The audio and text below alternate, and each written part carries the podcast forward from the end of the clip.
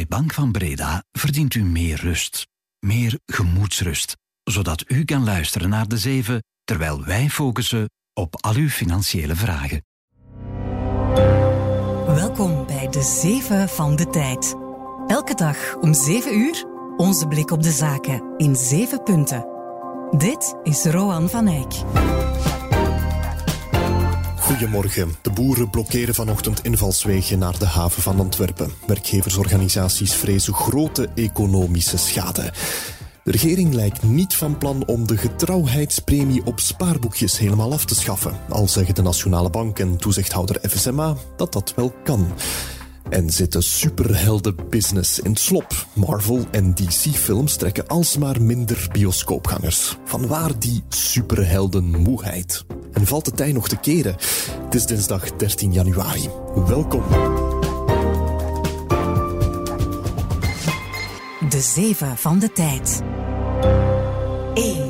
De boeren zijn begonnen met nieuwe acties. Ze zetten vanochtend filterblokkades op verschillende toegangswegen naar de Antwerpse haven. Dat hadden ze gisteravond al aangekondigd. Werkgeversorganisaties en ook de stad Antwerpen vrezen dat dat voor heel wat economische schade zal zorgen. De blokkades aan de haven van Zeebrugge twee weken geleden hebben zo'n 40 miljoen euro gekost. En dat kan nu nog wel wat oplopen. Antwerps havenschepen Annick de Ridder. Het gijzelen van een hele economie, zoveel duizenden mensen die naar hun werk uh, willen gaan, dat is echt wel niet uh, aanvaardbaar. Per dag uh, wordt toch geraamd door de havengemeenschap, zit, is een bedrag dat boven de 80 miljoen zit als men de havenactiviteit lam legt. De boeren willen met hun acties druk blijven uitoefenen op de politieke onderhandelingen. Gisteravond was er nog overleg in de Vlaamse regering over maatregelen die genomen kunnen worden voor de landbouw. Maar daar is nog geen deal uitgekomen. Voor meer uitleg heb ik tijd-collega Daan Bleus van onze cel Politiek en Economie hier bij mij. Goedemorgen, Daan. Dag, Rowan. Vorige keer was het in Zeebrugge. Waarom trekken de boeren deze keer naar de haven van Antwerpen? Wel ja, dat is symbolisch. Antwerpen, de stad van NVA-voorzitter Bart de Wever en uh, de stad van de, de grootste industriecluster van het land. Ja. Enerzijds zeggen de landbouwers, wij uh, voelen ons onder druk gezet door de NVA. Ze zorgen voor polarisatie tussen natuur en landbouw. Anderzijds, die industrie die kan rekenen op uh, veel soepeler vergunningsregels in het stikstofakkoord. Uh, en wij willen ook meer perspectief rond vergunningen. Dus uh, vandaar industrie en Antwerpen. Hoeveel hinder kunnen we verwachten vandaag? Ja, er wordt wel verkeershinder verwacht. Zeker gezien ja, de spits die in Antwerpen al aardig is. Hmm. En werkgeversorganisaties zeggen daar, ja, per dag dat de havenactiviteit stil ligt, verliezen wij 82 miljoen euro aan toegevoegde waarde. En er wordt eigenlijk ook verwacht dat als er een grote opkomst is van boeren, dat er ook filterblokkades kunnen opduiken in de haven van Gent en die van Zeebrugge, zoals uh, twee weken geleden. En komt de politiek snel met een oplossing nu, denk je? De Vlaamse regering is gisteren in ieder geval nog niet tot een akkoord gekomen. Hè? Wel, die jonge landbouwers zeggen nu, we komen op straat tegen het stikstofdecreet, we willen daar wijzigingen aan. Dat lijkt me politiek totaal uit een boze. Uh, eind januari is dat decreet pas gestemd na drie jaar onderhandelen. Uh, en maandag heeft de Vlaamse regering ook geen akkoord bereikt over het beschermen van landbouwgrond. Boerenorganisaties vragen dat, dat landbouwgrond beschermd wordt van herbestemming tot natuur. En het is geregeld dat de Vlaamse overheid ook landbouwgrond opkoopt om daar natuur van te maken. En daar willen ze dus een tijdelijk verpot op. Mm Vlaams minister van Omgeving, eh, die dus uh, strijdt voor natuur, is wel bereid daarin mee te gaan, maar ze wil wel uitzonderingen uh, voor bepaalde Europese beschermde natuur en voor bepaalde natuur die beschermd is voor vogels. Uh, en vooral dat laatste ligt dan weer moeilijk bij de coalitiepartners, dus daar was maandag nog geen deal over. Nee, de Vlaamse regering en de boeren zitten ten vroegste overmorgen pas opnieuw samen. Dankjewel, Daan. Graag gedaan. 2. Wat zijn de tien populairste beleggingen in België? Wel, blijkbaar vooral trackers op indexen en Amerikaanse big tech aandelen blijkt uit cijfers van De Giro, de Nederlandse goedkope online makelaar. Die heeft tienduizenden Belgische klanten en hij publiceert nu een top 10 met de grootste posities van die Belgische beleggers. Op één staat de tracker op de wereldindex MSCI World van iShares. Meteen gevolgd door een gelijkaardige tracker van Vanguard op de FTSE All World Index. Daar zitten ook groeimarkten in, zoals China. Op plaats 3 en 4 staan dan weer trackers die de SP 500 volgen. Dat is de index met de 500 grootste Amerikaanse aandelen. Met zo'n tracker kon je vorig jaar trouwens flink wat winst maken. 20% op de MSCI World en zelfs 22% op de SP 500.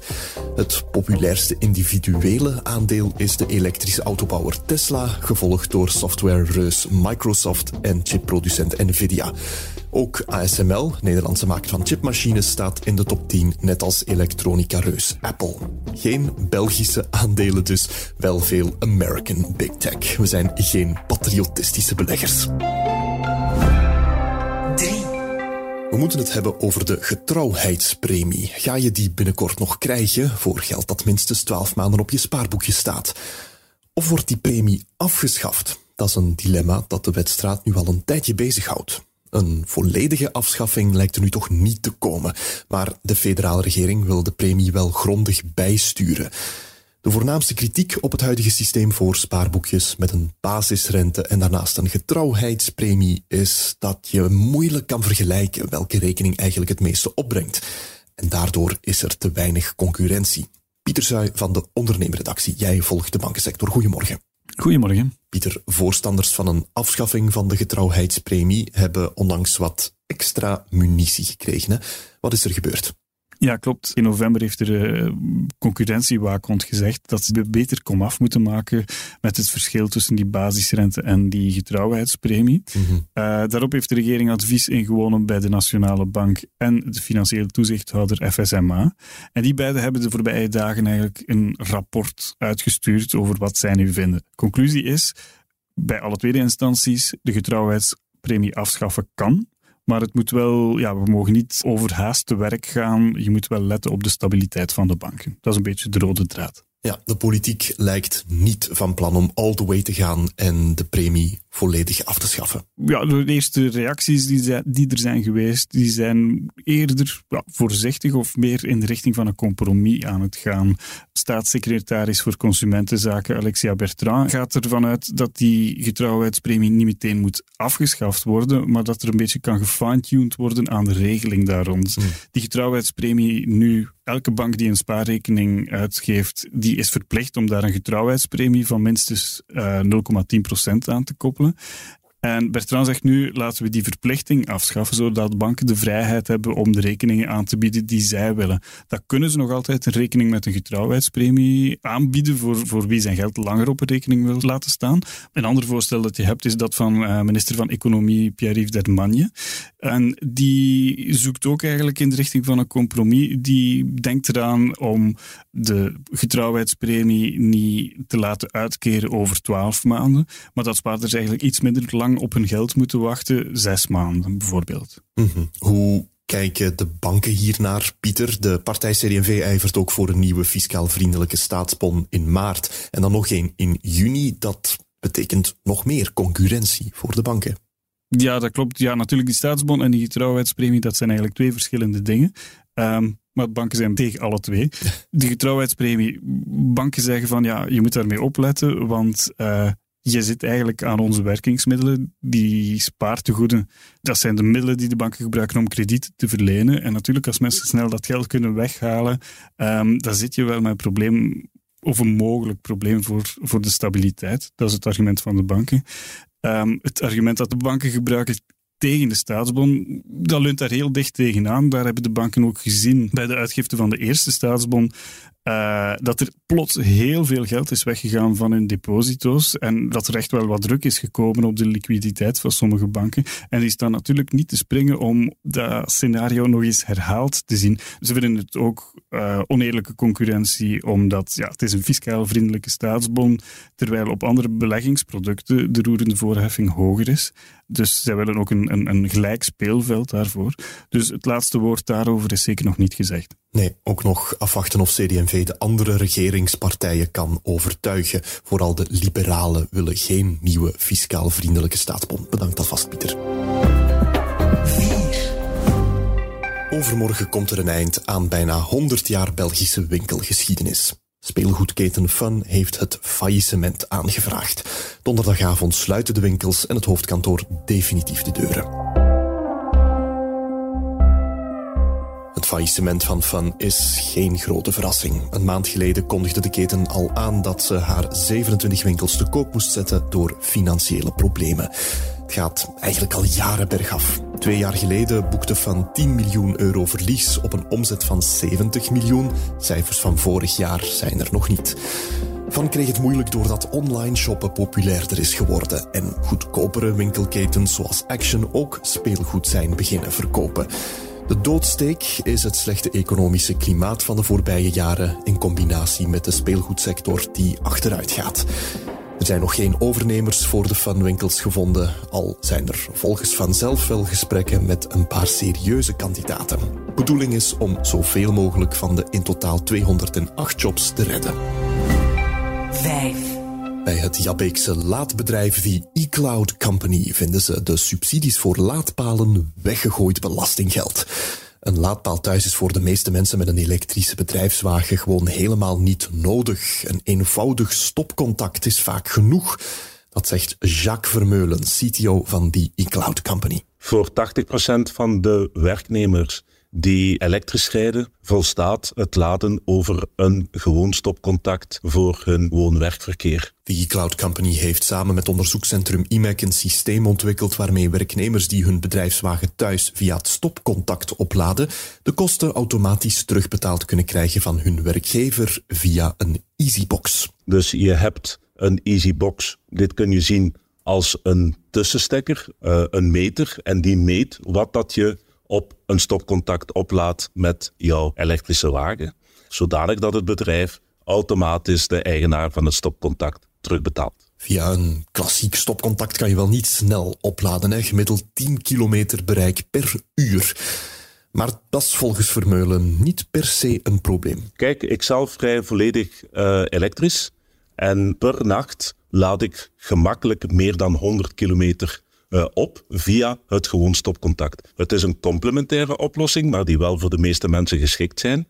En dit is ruimschoots voldoende om uw dagelijks woon-werkverkeer af te leggen. Bijkomend is er nog dat mensen ook meer en meer van thuis uit werken. Dus dat wil zeggen dat je en s'nachts plus nog een volledige dag uh, kunt opladen. En dat is echt voor 80% van de mensen ruimschoots voldoende. 6. Inflation has eased from its highs without a significant increase in unemployment. That's very good news. But inflation is still too high. Ongoing progress in bringing it down is not assured. And the path forward is uncertain. Hoewel de inflatie al is gezakt, blijft ze nog altijd te hoog. Dat zei Jerome Powell, de voorzitter van de Amerikaanse Centrale Bank, twee weken geleden. Vandaag is dus uitkijken naar het nieuwe Amerikaanse inflatiecijfer. Economen verwachten dat de inflatie is gedaald van 3,4% in december naar 2,9% in januari. Dat is het laagste pijl in bijna drie jaar tijd. De cijfers van de laatste zes maanden waren goed en het doel van de Fed, 2% inflatie, komt stilaan in zicht. Maar de Amerikaanse centrale bank wil eerst zien of de trend zich doorzet voordat ze de rente zal verlagen. De hoop is gericht op begin mei of ten laatste midden juni. Maar dus eerst zien of het Amerikaanse inflatiecijfer dat we vandaag krijgen zo goed is als voorspeld. 7. Captain Marvel. You are not the only thing standing between this and the universe. Tja, superheldenfilm The Marvels breekt een triest diepterecord. Hij is intussen drie maanden uit en nu ook te zien op streamingdienst Disney+. Plus als iemand er naar wil kijken, tenminste. Disney Studio Marvel gaf 320 miljoen dollar uit om de film te maken, maar hij heeft uiteindelijk maar 195 miljoen opgebracht in de box office. Nog nooit was een Marvel-film zo'n dikke flop. En dat lijkt ook een beetje een teken des tijds. De voorbije jaren is de hele superheldenbusiness gestaag aan het verslappen. De consument zou lijden aan superhero fatigue, superheldenmoeheid. Hoe komt dat? En valt het tij van het wegvloeiende geld nog te keren? Goedemorgen, Ben Serure. Goedemorgen, Rowan. Tijdcollega gespecialiseerd in de entertainmentindustrie. Um, is dat zo? Heerst er een zekere superheldenmoeheid?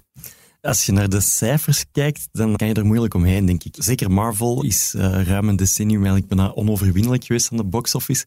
Die uh, hebben tussen pakweg 2008 en 2019 23 films uitgebracht die in totaal 23 miljard dollar hebben opgebracht. Wat gigantisch is, de meest succesvolle filmfranchise aller tijden. Hmm. Maar de laatste jaren gaat het steeds minder. En Marvel is er trouwens niet alleen in. Ook andere studio's, zoals hun concurrent DC, ja, die hebben meer en meer flops uitgebracht in de jongste tijd. Dus er lijkt toch wel een trend in te zitten en onderzoekers zijn het daar ook mee eens. Oké, en hoe komt dat dan, die neerwaartse trend? Wel, voor Marvel specifiek is er een deeltje een excuus dat hun films een tijdje niet in China zijn uitgebracht door wetgeving daar.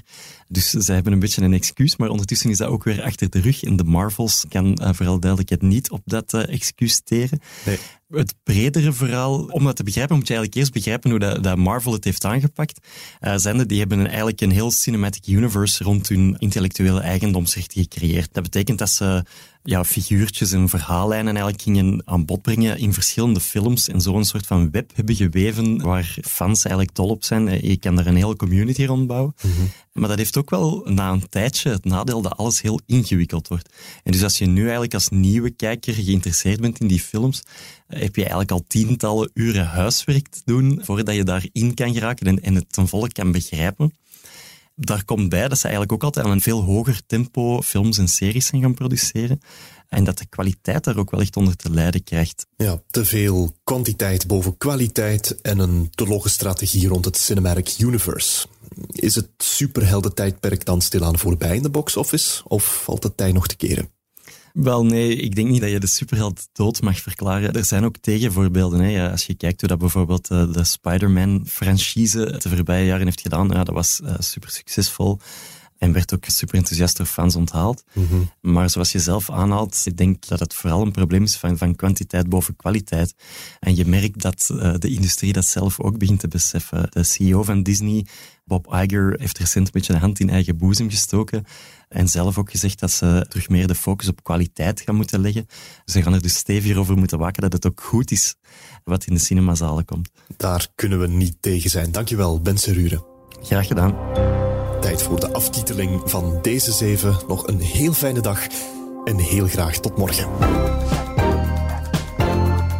Dit was De Zeven met Roan van Eyck. Productie door Lara Droesaert van op de redactie van De Tijd. Voor meer business en straffe nieuwsverhalen, check tijd.be of onze app. Morgen zijn we er weer. Tot dan.